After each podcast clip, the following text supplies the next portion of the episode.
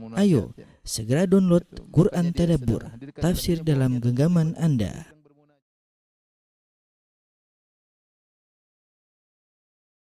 Bismillahirrahmanirrahim. Assalamualaikum warahmatullahi wabarakatuh. Alhamdulillahi ala ihsanih wa syukru lahu ala taufiqihi wa amtinani wa asyhadu an la ilaha illallah wahdahu la syarika lahu ta'ziman li sya'nih wa asyhadu anna Muhammadan abduhu wa rasuluhu da'ila ridwani.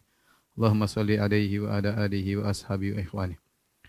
Para pemirsa yang dirahmati Allah Subhanahu wa taala, pada kesempatan kali ini kita melanjutkan bahasan kita dari Kitab Tauhid. Kita masuk pada bab ke-61 ya. Bab ke-61.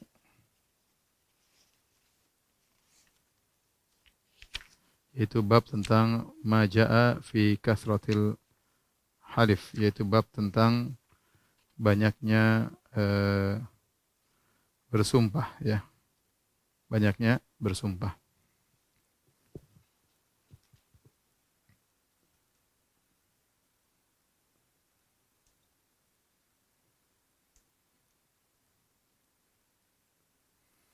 Itu bab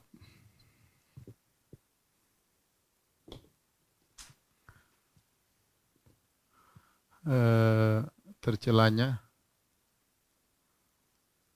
kebanyakan bersumpah.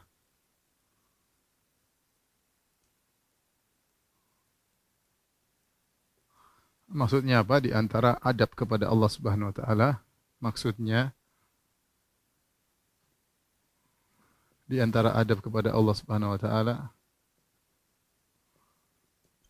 itu seorang tidak banyak bersumpah.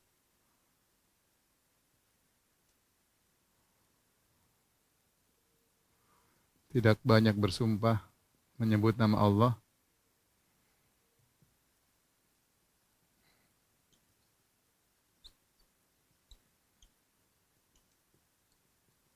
kecuali pada eh, perkara-perkara yang penting.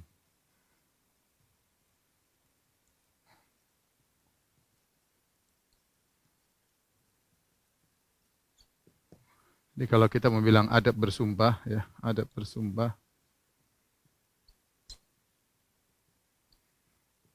uh, yang pertama adalah uh, bersumpah dengan nama Allah.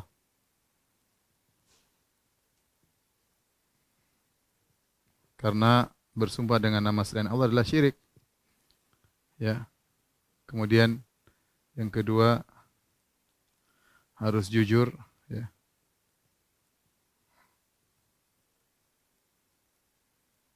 Jujur, ya. Kemudian yang ketiga, jangan sering bersumpah. Tidak bersumpah kecuali pada perkara yang penting. Tidak bersumpah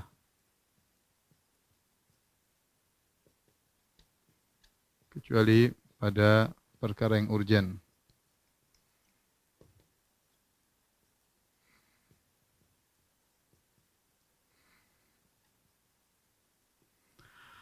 Ini ada bersumpah.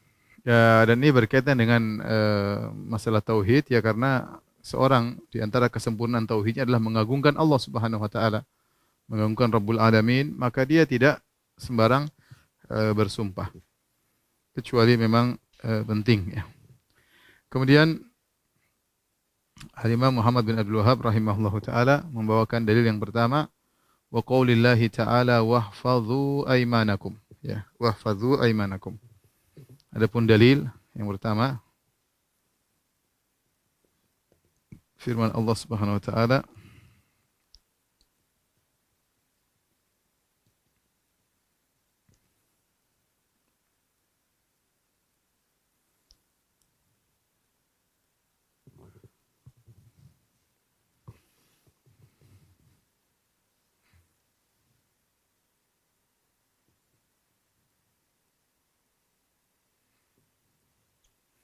Artinya adalah jagalah sumpah kalian. Jagalah sumpah kalian. Surat Al-Maidah ayat ke-89 ya. Taib. Apa sisi pendalilan? Pertama, kita bahas dulu apa tafsir ayat ini.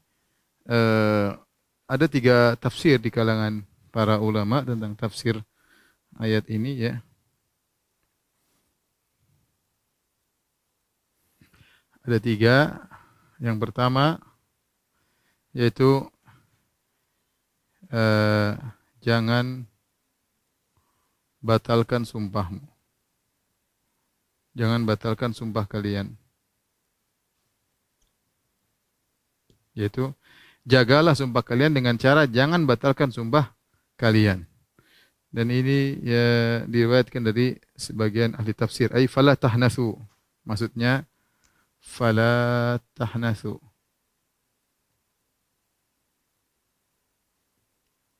Fala tahnasu artinya janganlah kalian batalkan. Kemudian pendapat Ibnu Jazir, Jarir atau Bari ya adalah jangan kalian batalkan tanpa membayar kafarah.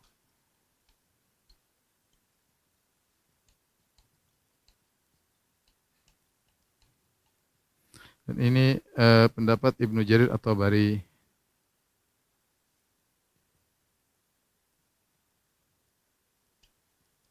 Kenapa?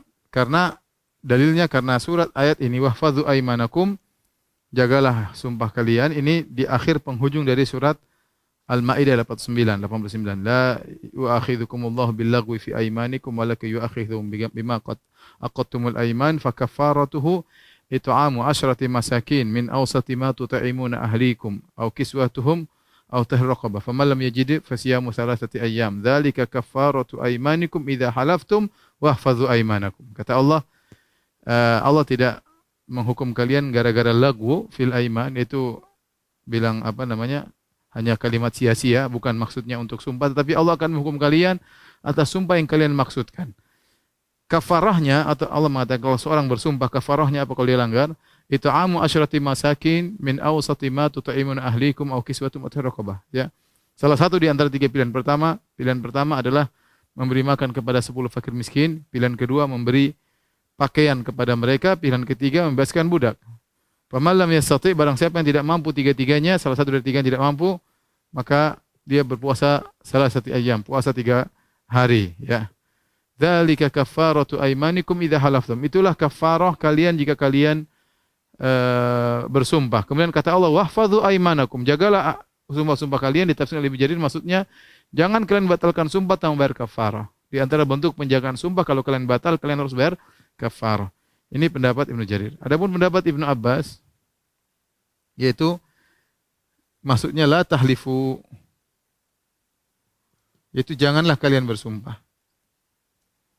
Janganlah kalian maksudnya janganlah kalian sering bersumpah. Untuk menjaga sumpah kalian, maka jangan sering bersumpah. Karena kalau kalian sering bersumpah, kalian susah menjaganya, susah menunaikannya. Ini pendapat Ibnu Abbas radhiyallahu taala anhuma. Ya. Janganlah kalian sering bersumpah karena kenapa? Kalau sering bersumpah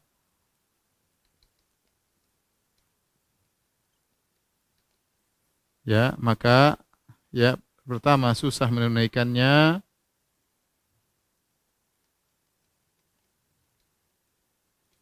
Yang kedua, mudah terjatuh dalam kebohongan.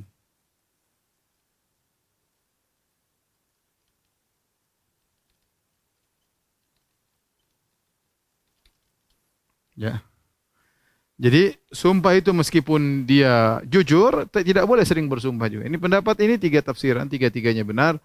Tapi yang dimaksud oleh penulis Syekh Muhammad Wahab rahimahullahu taala adalah tafsiran yang ketiga ini. Ini yang beliau maksudkan ya, di antara bab maja'a fi kasratil halif, bab tentang tercelanya kebanyakan bersumpah. Maka Allah berfirman, "Wahfadzu aimanakum, jagalah sumpah kalian." Caranya bagaimana? Jangan suka bersering bersumpah. Karena kalau akan sering bersumpah, kalian susah menunaikannya atau kalian suatu saat akan melanggarnya atau kalian akan berbohong ya. Sehingga di antara adab kepada Allah Subhanahu wa taala jangan sering bersumpah ya. Tapi ini dalil yang pertama. Kemudian dalil kedua ya.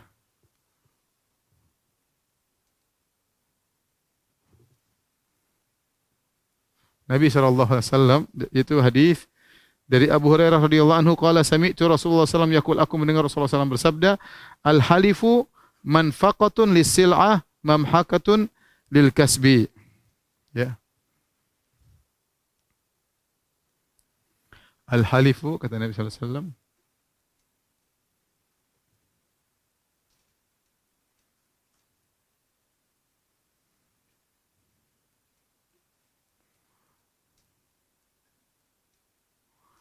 منفقة للسلعة ممحقة.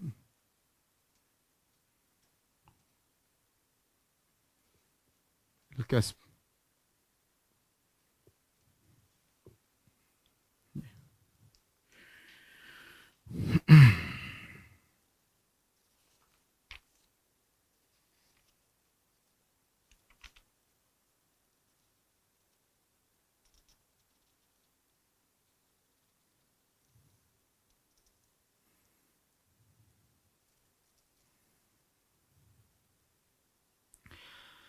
Jadi sumpah itu kata Nabi SAW ya melariskan ini melariskan barang dagangan.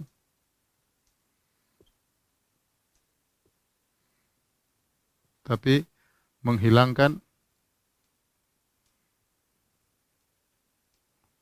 ini menghilangkan ya eh, hasil yaitu berkah keberkahannya.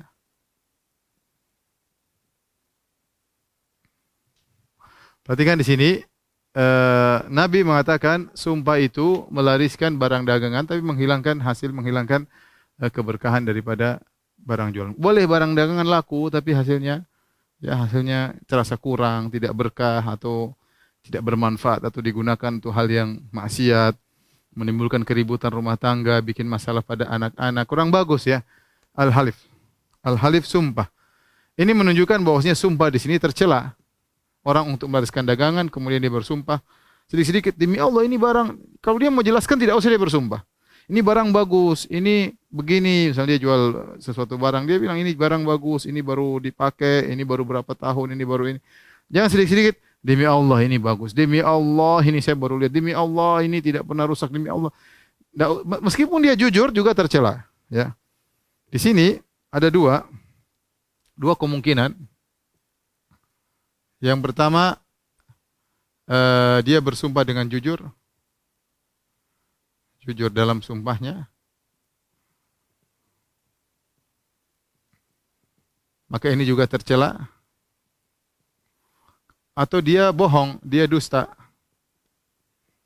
dalam sumpahnya.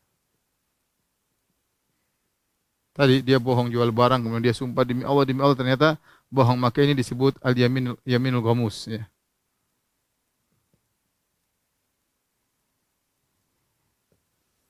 ya. Al-yaminul ya. Apa maksudnya al-yamin al-yaminul? Ya. Al-yaminul adalah sumpah, ini tercela dosa besar, ini dosa besar, sumpah dusta untuk mengambil hak orang.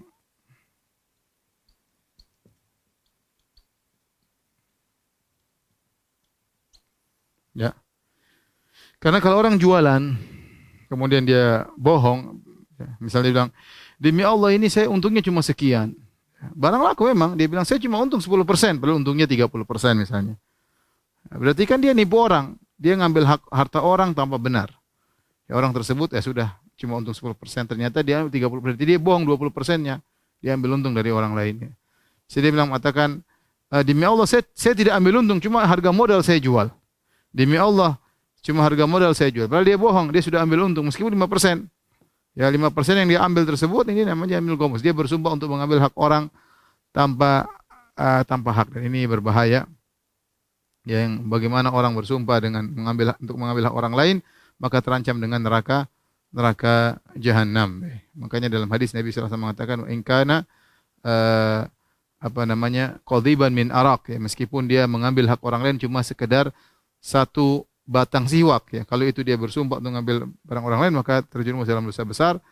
Dia menjerumuskan diri dalam neraka jahanam. Maka seorang kalau ingin barang laris maka jual saja seadanya, jangan bohong ya. Jujur, kalau jujur jangan banyak sumpah. Ya.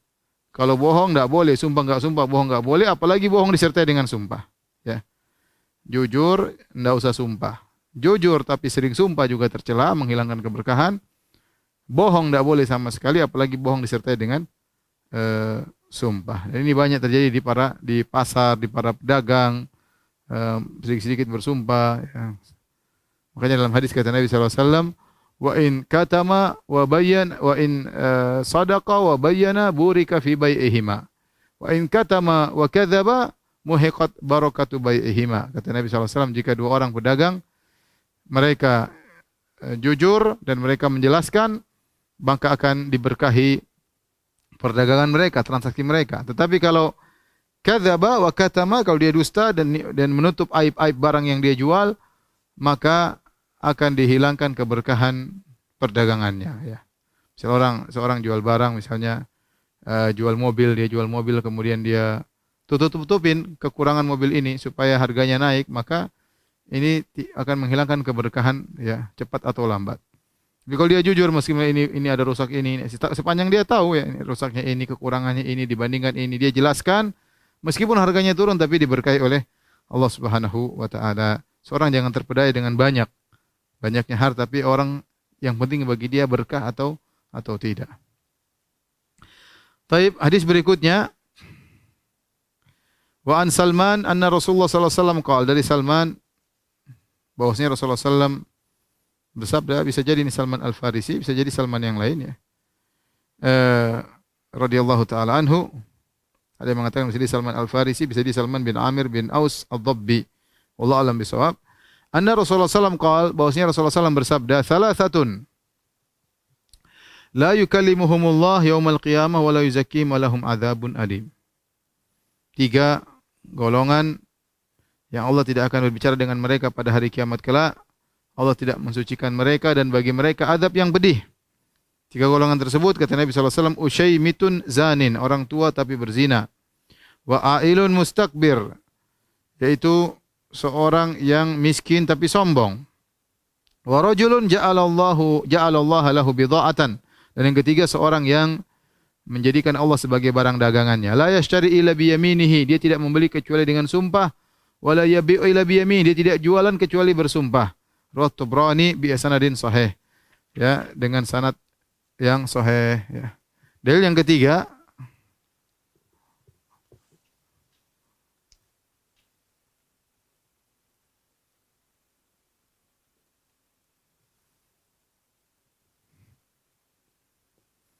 Jadi kata Nabi SAW, salah satu tiga golongan, tiga golongan yang Allah tidak akan melihat kepada mereka, Tiga golongan. Allah tidak melihat kepada mereka, Allah tidak berbicara dengan mereka, bagi mereka azab yang pedih. Ya. Salah satu la yukallimuhumullah, tiga golongan yang tidak diajak berbicara oleh Allah Subhanahu wa taala. Tidak disucikan oleh Allah dan bagi mereka azab yang pedih. Yang pertama adalah usyaimitun zanin, orang tua sombong. Orang tua uh, berzina. Kemudian yang kedua ailun mustakbir, miskin sombong. Kemudian yang ketiga adalah seorang yang uh, membeli dengan bersumpah dan berjualan dengan mensumpah. Dia menjadikan Allah menjadikan Allah sebagai barang dagangannya. Sebagai dagangannya. Membeli dengan bersumpah menjual juga dengan bersumpah.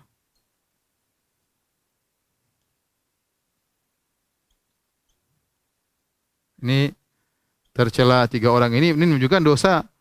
Ini berarti menunjukkan dosa besar ya. Kalau dia selalu dengan bersumpah berarti dia ini menunjukkan dosa besar ya karena tiga golongan tidak diajak bicara bagi mereka azab yang pedih, azab yang pedih. Yang pertama orang tua berzina. Kenapa azabnya pedih? Zina secara umum adalah dosa besar. Mau anak muda juga dosa besar, apalagi orang tua. Orang tua dosanya lebih besar daripada anak muda yang berzina. Sama-sama dosa besar, tapi orang tua lebih besar. Kenapa? Karena sebab faktor untuk dia berzina kecil, dia sudah tua, syahwatnya sudah menurun harusnya, seharusnya dia sudah lebih dekat kepada Allah Subhanahu wa taala. Tapi ada saja orang tua yang hobinya berzina. Saking buruknya dirinya sampai dia tua dia masih terbiasa berzina dan akhirnya meninggal dalam kondisi masih suka berzina. Waliyadzubillah. Maka orang ini dosanya tidak seperti pezina-pezina biasa. Yang kedua miskin tapi sombong. Kalau kenapa? Karena sebab kesombongan tidak ada pada dirinya. Kalau orang kaya sombong wajar, pejabat sombong wajar. Ya, eh, kemudian orang berdarah biru sombong wajar. Tapi kalau miskin, apa yang mau disombongkan? Menunjukkan dia parah. Bahkan sebagian ulama mengatakan, ya, eh, sombong ada dua. Sombong atau merasa tinggi. Ada karena karena faktor luar, Karena sebab internal, sebab diri sendiri.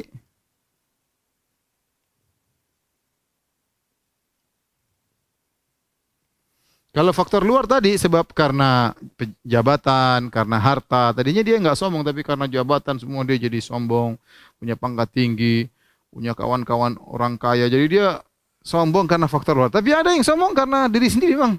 Dia miskin tetap sombong, dia merasa tinggi. Jadi ini yang lebih parah daripada ini. Ini lebih parah daripada ini. Ada yang sombong karena faktor luar, eh, karena faktor luar nggak ada jadi nggak sombong. Tapi ini nggak ada faktor luar dia memang dari sananya sudah sombong. Sudah dirinya merasa tinggi. Ada orang seperti itu modelnya. Padahal nggak punya apa-apa, sombong. Apalagi kalau punya apa-apa, nggak punya apa-apa saja sombong. Apalagi kalau udah punya apa-apa ya. Kalau orang sombong ya karena faktor luar banyak ya. Dua-duanya tercela tapi lebih tercela. Yang ketiga yang yang tercela, yang jadi fokus kita pada pembahasan kali ini adalah ini ya ini ya menjadikan Allah sebagai barang dagangan ya semua nama Allah oh, jualan demi Allah ini murah demi Allah ini barang bagus demi Allah demi Allah agar orang beli kalau beli eh, demi Allah sudah kasihlah demi Allah saya beli sini saya sudah tahu demi Allah ini harga bagus terimalah tawaranku demi Allah ini saya sudah kasih untung kau jadi tidak beli tidak menjual kecuali bersumpah ini namanya orang tidak mengagungkan Allah seperti Allah dijual-jual begitu saja tanpa jadi barang jualan. Allah Subhanahu wa taala jadi barang jualan. Ini menunjukkan orang ini imannya lemah dan dia berdosa bahkan dosa besar. Allah taala alam bisawab. Orang dia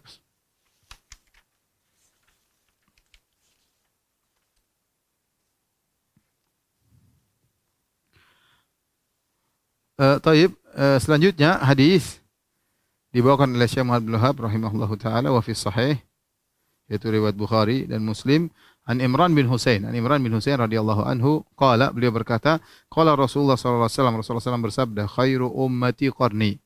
Sebaik-baik umatku adalah generasiku, itu generasi para sahabat. Thumma alladhina yalunahum.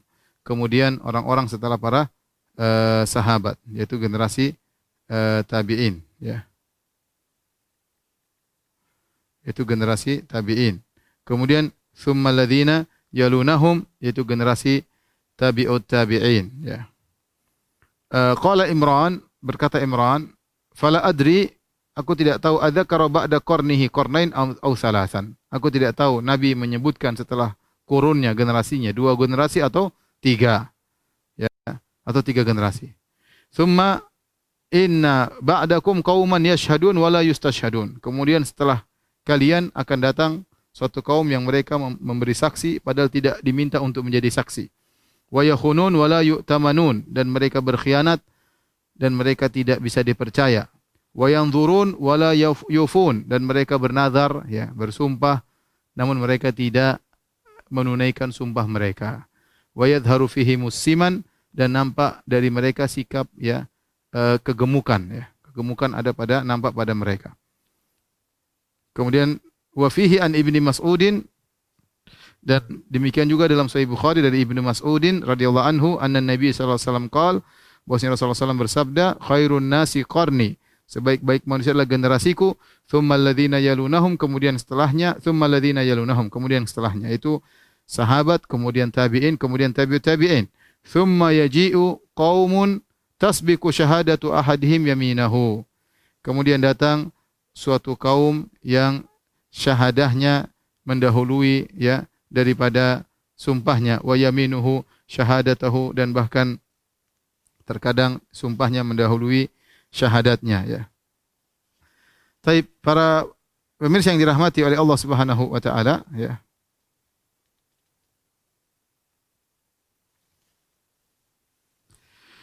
Uh, di sini Nabi SAW sebutkan tentang generasi yang mulia, tiga generasi. Yang pertama korni, kata Nabi, sebaik-baik umatku adalah generasiku.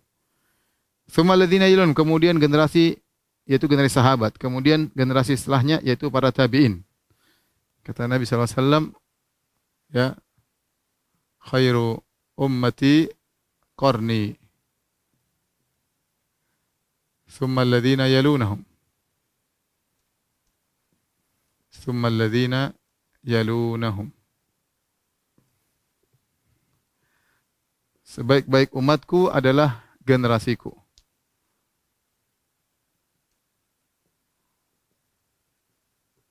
Generasiku.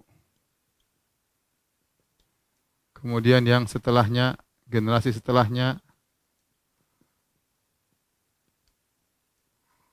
Kemudian generasi setelahnya.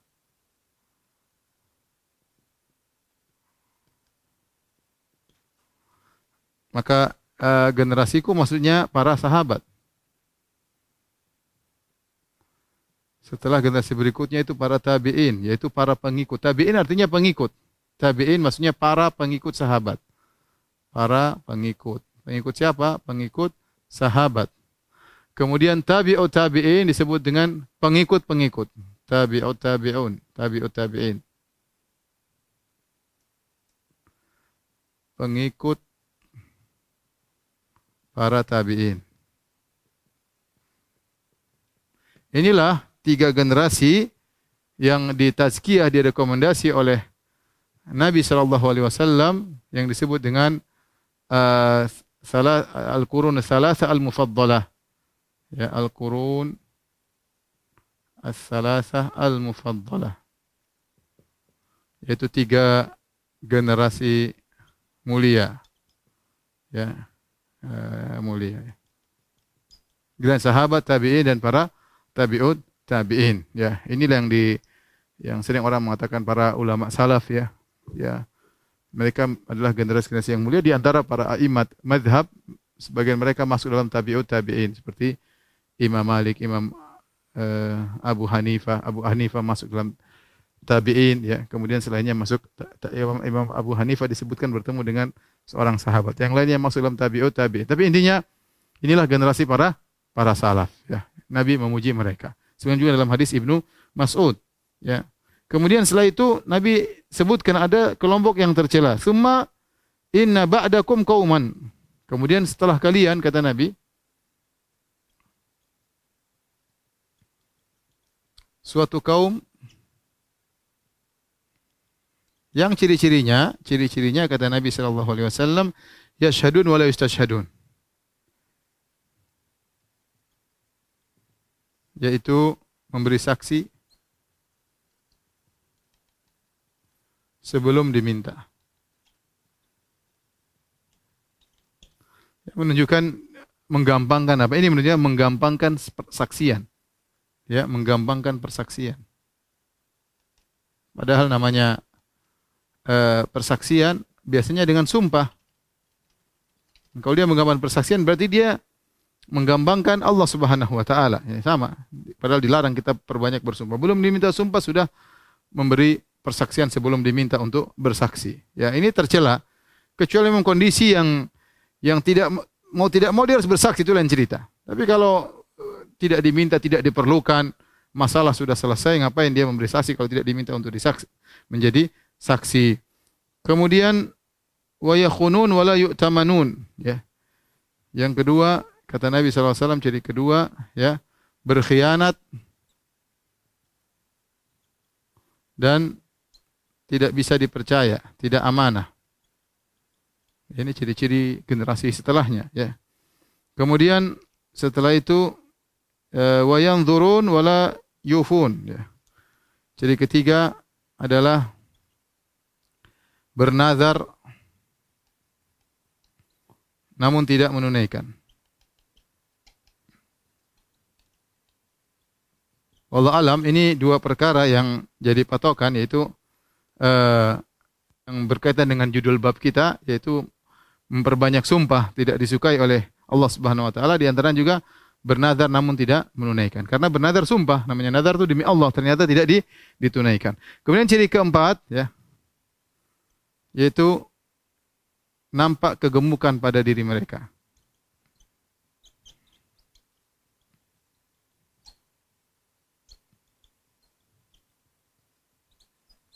Taib. Timbul pertanyaan ya.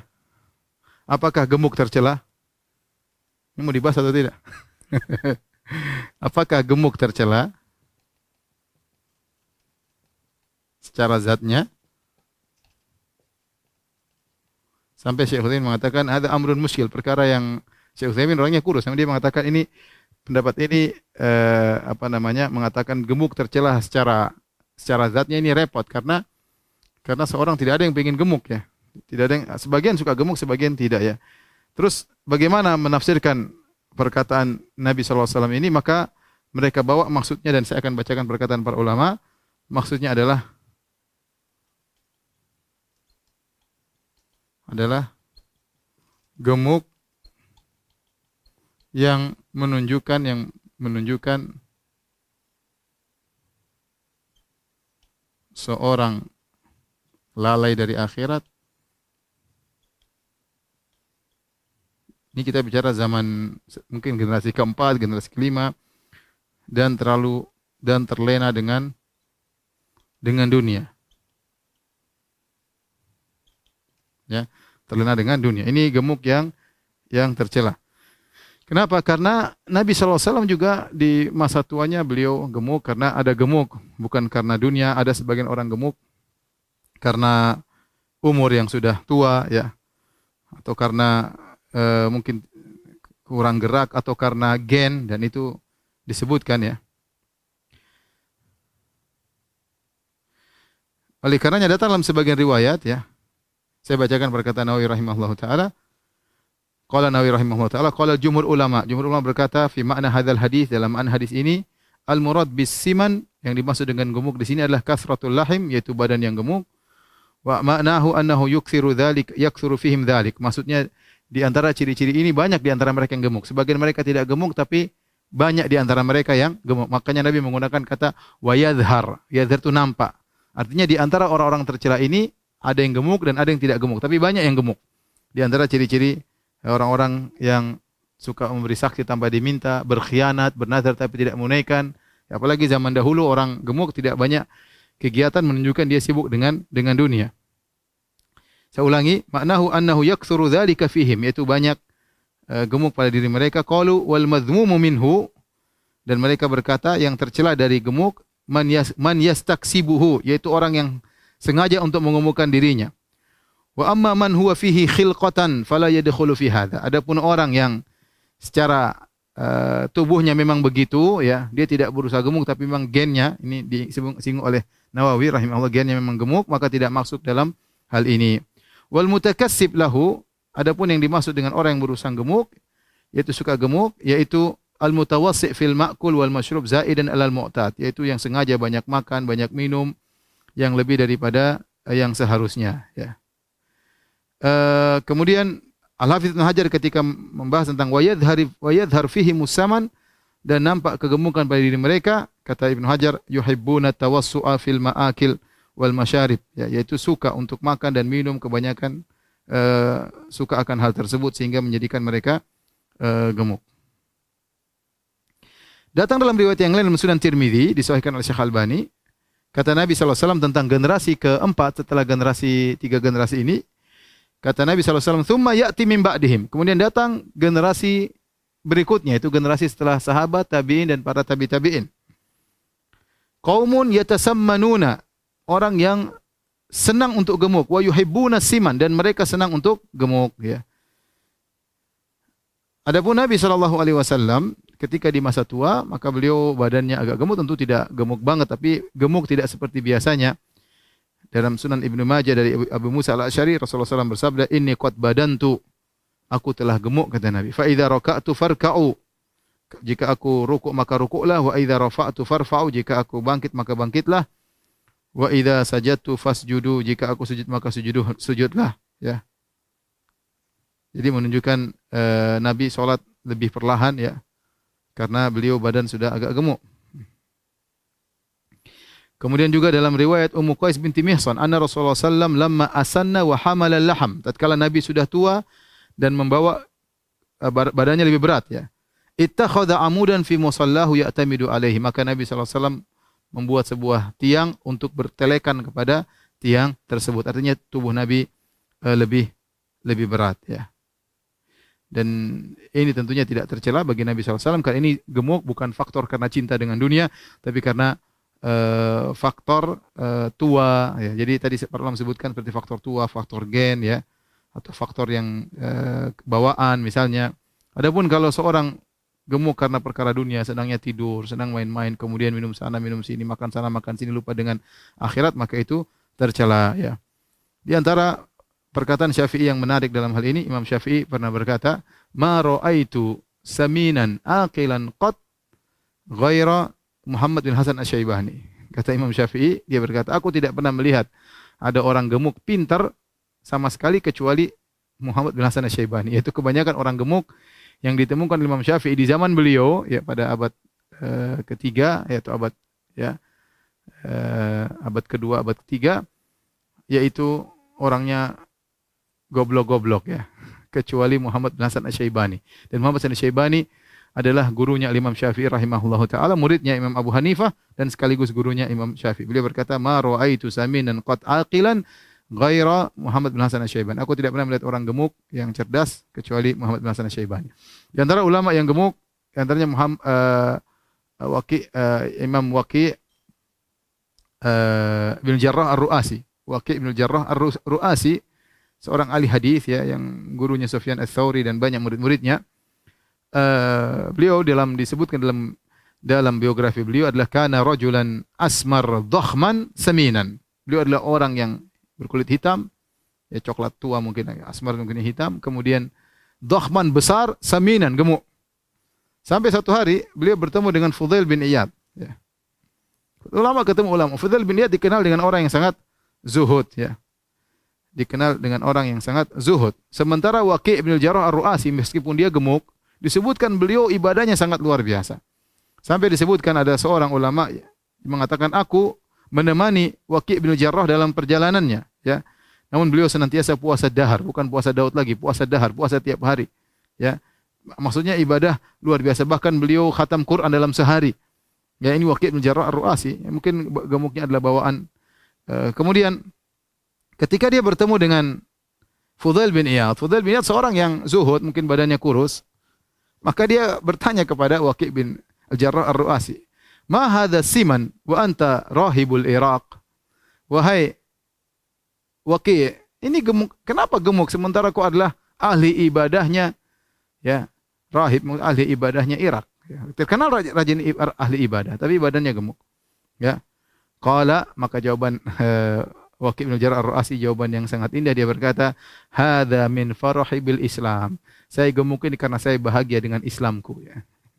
Jadi intinya uh, eh, bahwasanya setelah empat generasi ada muncul orang-orang yang mereka ya tidak amanah, suka berkhianat, kemudian menggampangkan sumpah ya, bernazar namun tidak menunaikan, memberi saksi sebelum diminta dan itu tercela, berarti mereka tidak mengagungkan Allah Subhanahu wa taala. Kemudian yang terakhir asar dari uh, Ibrahim An-Nakhai, Ibrahim An-Nakhai seorang tabi'in, ya beliau berkata, wa kanu yadribunana ala syahadati wal ahdi wa nahnu sigar. Ya. Eh, kata Ibrahim An-Nakhai, mereka dahulu maksudnya para sahabat kalau Ibrahim An-Nakhai tabi'in berarti orang tua orang tua mereka atau yaitu generasi-generasi sahabat atau mendekati para sahabat. Ya. Mereka memukulin kami untuk urusan persaksian dan urusan janji. Padahal kami masih kecil. Ya, Artinya apa? Jangan kalian sembarang bersaksi, ya, dengan bersumpah bersaksi tidak boleh. Dan jangan kalian sembarang berjanji. Ya, kalau punya janji ditunaikan dan jarang jangan sembarang berjanji. Padahal kami masih kecil, maka kami dipukulin oleh orang-orang tua kami atau ulama-ulama kami. Jadi ini pengajaran dan tidak mengapa uh, kita memberi memberi adab kepada anak-anak ya agar mereka terbiasa untuk mengagungkan Allah Subhanahu wa taala ya. Karena namanya persaksian dan janji itu dibangun di atas pengagungan terhadap Allah Subhanahu wa taala. Kalau orang tidak punya pengagungan terhadap Allah Subhanahu wa taala, dia asal bersumpah, asal berjanji, obral janji, ya kemudian dia asal bersaksi, dia tidak tahu bahwasanya dia akan bertemu dengan Allah mempertanggungjawabkan apa yang dia saksikan dan apa yang dia uh, janjikan. Nah, dengan demikian uh, tidak mengapa seorang untuk mendidik anak-anaknya sesekali dengan uh, pukulan ya sebagaimana Nabi mengatakan pukullah anak kalian untuk sholat jika mereka berumur 10 tahun. Tidak mau sholat boleh dipukul sebagai pukulan didikan bukan pukulan uh, balas dendam atau pukulan yang mematikan atau yang membuat luka tapi pukulan mendidik yang tentu uh, ada aturannya. Demikian para pemirsa yang dirahmati Allah Subhanahu wa taala, uh, besok kita lanjutkan pada bab ke-62, kita masih ada 5 bab lagi karena kita tauhid, kalau tidak salah ada 66 bab. Demikian subhanakallah bihamdik asyhadu an la ilaha illa anta astaghfiruka wa atubu. Assalamualaikum warahmatullahi wabarakatuh.